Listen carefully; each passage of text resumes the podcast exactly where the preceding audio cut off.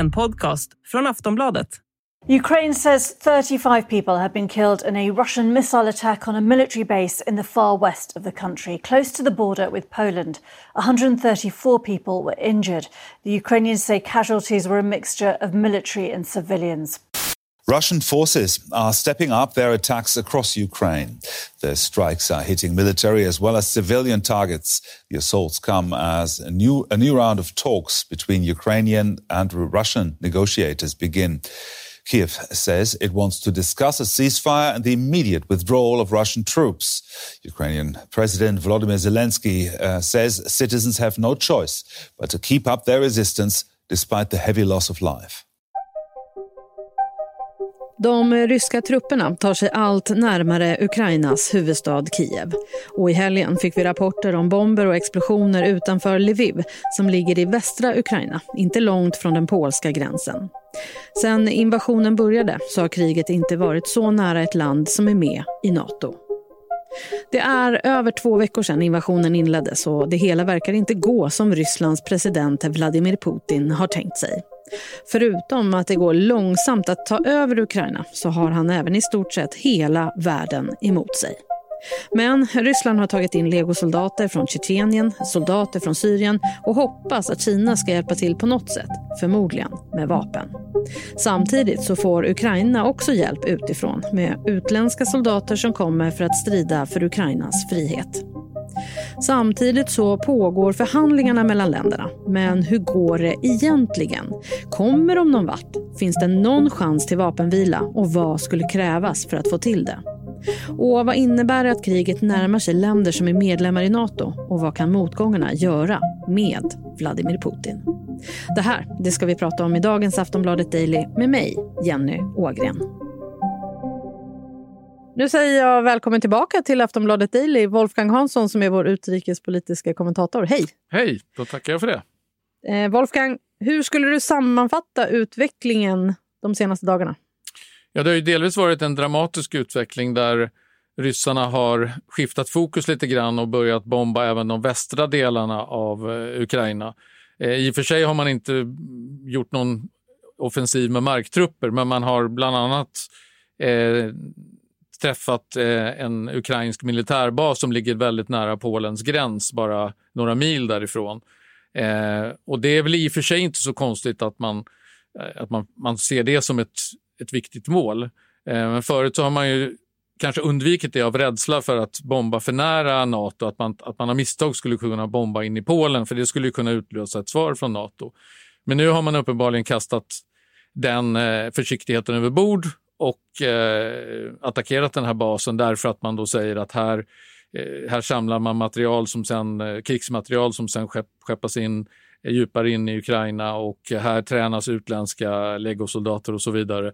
Eh, så att det, det, är liksom en förändring av kriget men samtidigt eh, så innebär det inte att nödvändigtvis att ryssarna kommer att försöka ta även västra Ukraina för de har ju problem med att försöka ta östra och, och södra Ukraina. Så att jag tror inte de kommer starta en ny front, men de vill samtidigt skicka en signal till Nato om att sluta med att ge en massa vapenhjälp till Ukraina. Så vad skulle det innebära om de kom ännu närmare då? Ja, alltså kommer de så nära så att de bombar inne i, i Polen, då har ju Nato sagt att eh, vi kommer att försvara varje tum av vårt territorium. Det har både Joe Biden sagt och Jens Stoltenberg, Nato Hej, jag Ryan Reynolds. At Mint Mobile, we like to do the opposite of what Big Wireless does. They charge you a lot, we charge you a little. So naturally, when they announced they'd be raising their prices due to inflation, we decided to deflate our prices due to not hating you. That's right. We're cutting the price of Mint Unlimited from $30 a month to just $15 a month. Give it a try at mintmobile.com slash switch. $45 upfront for three months plus taxes and fees. Promote for new customers for limited time. Unlimited more than 40 gigabytes per month. Slows. Full terms at mintmobile.com. chefen. Eh, så det skulle ju kunna utlösa ett större krig, alltså där Nato attackerar eh, ryska posteringar in i Ukraina och sen så kommer det en motattack från ryssarna och sen är kriget, eh, storkriget igång. Sen är det så, båda, både Ryssland och Ukraina hämtar ju hjälp utifrån nu. Kan du berätta lite? Ja, eh, Ukraina har ju redan sedan tidigare uppmanat utländska medborgare att komma till Ukraina för att strida på deras sida, alltså frivilliga ungefär som i spanska inbördeskriget. Och det eh, har varit ett stort intresse för det. Och det sägs, ryssarna hävdar ju att de här har tränats på den här basen som man bombade i helgen. Och det är mycket möjligt eh, att det är så, för att de behöver ju utrustas och tränas innan de kan sättas in i strid. Och ryssarna å sin sida, där har president Putin accepterat hjälp ifrån Syrien. Han, eh, alltså syriska soldater ska komma och strida på Rysslands sida. Eh, och det får man väl se som ett svaghetstecken från Rysslands sida. Att han skulle aldrig ta in dem om det inte var så att det gick eh, dåligt i kriget. Ja, jag hörde också att det finns legosoldater från Tjetjenien bland annat för att hjälpa Ryssland. Precis, så det har, det har funnits en, en tid tillbaka men nu har Putin sagt att han vill ha ännu fler och eh, Tjetjeniens ledare Kadyrov ska, eh, om jag var rätt underrättad, eh, åka till Ukraina för att eh, informera sig om situationen där och se om man kan eh, vad, vad, det går, vad som går att göra så att säga från deras sida, om man kan skicka in fler folk. Kommer Putin också vända sig mot Kina? Ja, eh, det påstår i alla fall amerikanska uppgifter, underrättelseuppgifter säger att eh, Ryssland redan har vänt sig till Kina, dels för att få militär hjälp och dels för att få ekonomisk hjälp att undvika de här sanktionerna. Eh, och då har USA redan svarat så att säga i förebyggande syfte och talat om för Kina att om ni hjälper eh, Ryssland med vapen eller att försöka undvika sanktionerna på något mer avancerat, större sätt så kommer det få allvarliga konsekvenser inom citat. Då. Så det är så att säga en sån här formulering så väldigt svårt att, veta vad det innebär i praktiken. Det innebär säkert inte att USA skulle så att säga militärt attackera Kina på något sätt, men eh, man skulle väl sätta in eh, ekonomiska sanktioner eller andra typer av, av straff mot Kina om, om de hjälpte Ryssland på det viset. Kommer Kina komma till Rysslands undsättning? Det är svårt att veta för kineserna de har en lite konstig mellanposition. De, är, eh, de vill inte kalla det ett krig, de vill inte kalla det en invasion. Samtidigt så röstade de, eh, la de ner sin röst när eh, de kunde ha röstat för Ryssland i eh, FNs generalförsamling eh, när kriget fördömdes. Eh, och man, man vill gärna hålla den här alliansen med Ryssland eftersom det är ett sätt att motverka USA.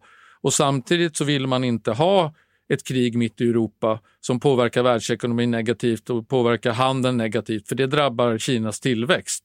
Så att man står liksom i ett mellanläge här.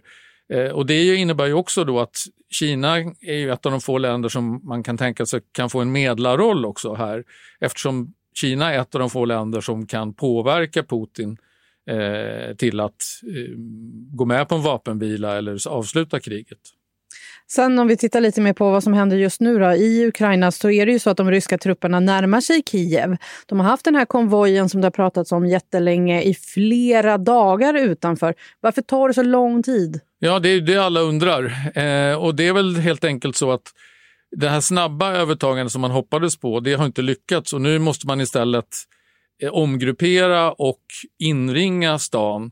Eh, det är det många tror att man kommer att, att sätta artilleri runt om stan för att sen skjuta in mot Kiev för att eh, tvinga Zelenskyj-regeringen att, eh, till underkastelse.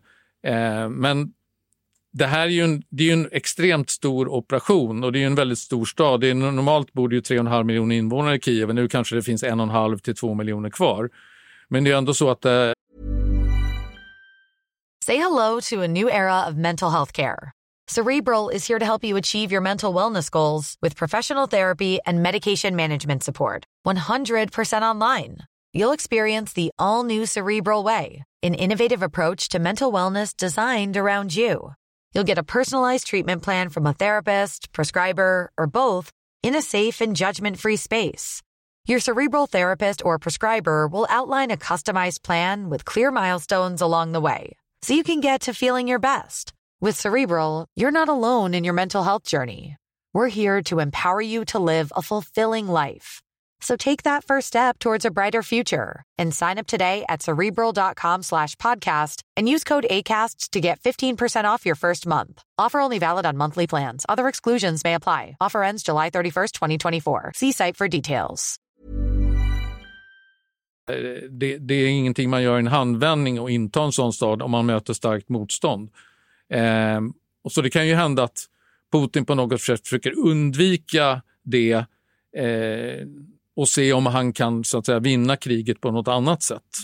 Samtidigt så pågår det förhandlingar mellan Ryssland och Ukraina. Men hur går de förhandlingarna egentligen? Alltså jag skulle säga att det, det, det, går nog ganska dåligt. Alltså nu säger båda sidor att de har gjort framsteg och så vidare och att kan, man kan vänta sig resultat inom några dagar. Men vi, vi ser ju hur det har gått med de här humanitära korridorerna som man har upprättat. Det har ju varit dag efter dag har det pratats om de här humanitära korridorerna och särskilt den här ut från Mariupol i, i södra Ukraina. Eh, och det har ju varje gång har ju det inte varit möjligt att, att föra ut några människor från den stan för att ryssarna har fortsatt att, att bomba. Eh, och även i övriga delar av Ukraina så är det bara ett fåtal, ett ganska litet antal människor som har kommit ut i de här humanitära korridorerna. Och det visar väl hur otroligt eh, svårt de båda parterna har att enas om någonting. Eh, och att man håller igång förhandlingarna, det kan ändå vara ett sätt att visa att man är resonabel, vi, vi försöker lösa det här, fast man egentligen eh, är mer intresserad av att fortsätta kriget, särskilt då från rysk sida naturligtvis. För jag menar, Ukraina vill givetvis ha ett, eh, ett eldupphör så länge de inte behöver kapitulera. Mm, och vad, vad, vilken typ av deal skulle kunna behöva komma fram för att de skulle bli nöjda båda två? Ja, det är också, eh, beror nog väldigt mycket på i vilken fas kriget är. Eh, Putin, det är ju främst Putin som behöver en deal som han kan försvara. Och ju sämre det går för honom i kriget, desto närmare kanske han kommer den punkten där han är beredd att acceptera att Ukraina exempelvis säger att man, att man kommer att vara neutralt och inte söka medlemskap i Nato. Eh, det var ju en, någonting han inte kunde tänka sig innan kriget började. Men om han nu får så stora problem med att ta Ukraina så kanske han kan tänka sig den typen av lösning. Eh, och för Ukraina så handlar det väl om att så länge de kan bevara sin egen nation, inte kapitulera inför Ryssland, bevara sin självständighet, eh, så kan de nog tänka sig det mesta eh, för att få slut på kriget eftersom man från Ukrainas sida är man ju medveten om att man är den svagare, svagare parten och att i det långa loppet blir det ju väldigt svårt att stå emot ryssarna. Men samtidigt så lider ju Ryssland väldigt stora förluster nu. Så att där ligger ju också Eh, i Rysslands intresse att kanske få slut på kriget så fort som möjligt innan ännu fler rys ryssar dör. Mm, och vad skulle kunna krävas för en vapenvila? Ja, att eh, Ukraina eh, ger ryssarna någonting de vill ha. Eh, det är svårt att veta exakt, men eh, till exempel att man garanterar att man inte ska gå med i Nato och att man går med på att ge bort de här två provinserna i östra Ukraina, Luhansk och Donetsk, att man går med på, de har ju blivit förklarade självständiga av Ryssland, att man knoppar av dem ifrån Ukraina. Och Krim naturligtvis, att man, att man låter eh, den här annekteringen, olagliga annekteringen som Ryssland gör, att man låter den, eh, att man accepterar den. Mm. Och så om vi tittar lite på hur det är i Ryssland nu då, hur det är med befolkningen där. De kan inte längre handla på McDonalds, de kan inte dricka kaffe från Starbucks, handla på Ikea eller på H&M. Hur, hur märker de av det här nu? Ja, de märker av det väldigt mycket för att snaran drar sig åt kring dem. Och de kan inte längre resa, resa utomlands på något enkelt sätt eftersom alla flyg västerut är ju stängda eftersom luftrummet är stängt. Man kan åka till Kina om man vill och man kan säkert flyga till Mellanöstern och sen därifrån vidare någonstans men det blir väldigt mycket krångligare för dem. Och de märker ju också i och med att eh, eh, deras bank, eh, deras tillgångar alltså i rubel har ju eh, sjunkit väldigt mycket i värde. Eh, de kan inte använda utländska kreditkort längre.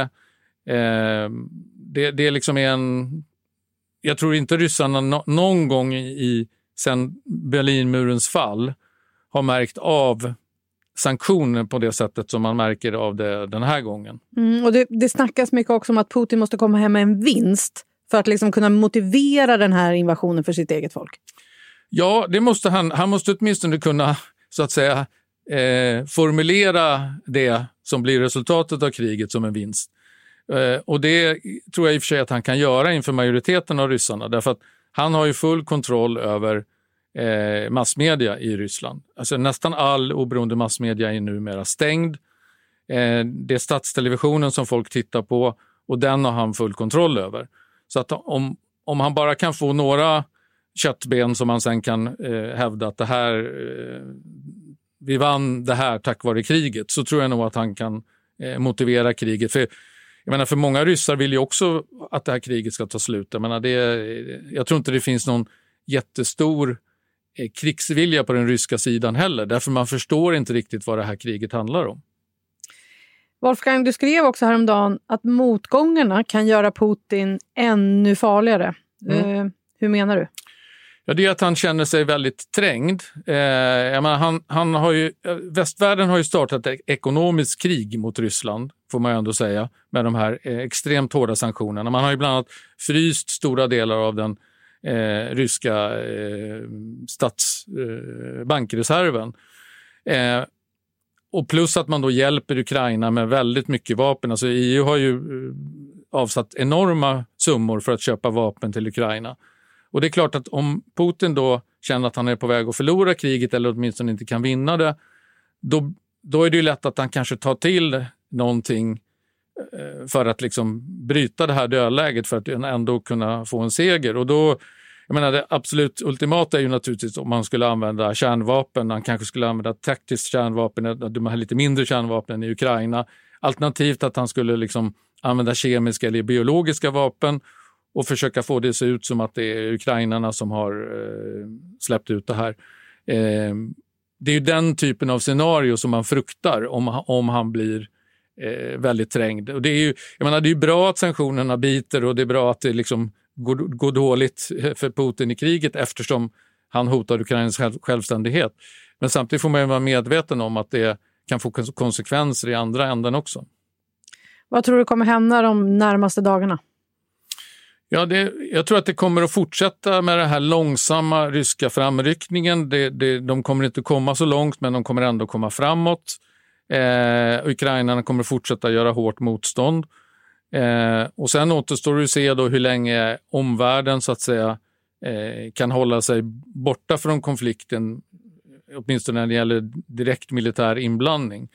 Eh, för risken är ju liksom att, att det blir ett storkrig i Europa om det blir om flera länder blir inblandade, om den här konflikten internationaliseras mer och mer. Vi såg ju hur det funkade i Syrien till exempel, som ju började som ett inbördeskrig. Eh, men sen utvecklades till ett regionalt storkrig med alla regionala stormakter inblandade och som sen till slut eh, även Ryssland gick in, USA gick in även om man inte gick in fullskaligt. Eh, men man var ändå där och bekämpade IS. Eh, och nu har vi alla tre stormakterna, Ryssland som för kriget, USA som hjälper Ukraina och så Kina som är någonstans där mittemellan. Alla de tre är nu direkt, eller mer eller mindre direkt inblandade i den här konflikten. Och det är ju lätt att förstå liksom vad, vad det kan leda till i, i, ifall saker och ting går fel. Är du orolig? Ja, jag tycker man ska vara orolig. Man, be man, man behöver inte vara skräckslagen, men orolig ska man definitivt vara och hålla noga koll på läget för att se åt vilket håll det det barkar. Sist här hörde vi Wolfgang Hansson, vår utrikespolitiska kommentator. Jag heter Jenny Ågren och du har lyssnat på Aftonbladet Daily. Vill du ha det allra senaste kring kriget i Ukraina så hittar du det på vår sajt. Vi hörs snart igen. Hej då!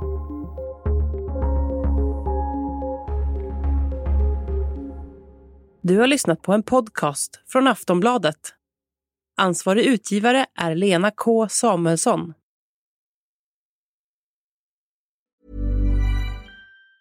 Tired of ads barging into your favorite news podcasts? Good news. Ad-free listening is available on Amazon Music. For all the music plus top podcasts included with your Prime membership.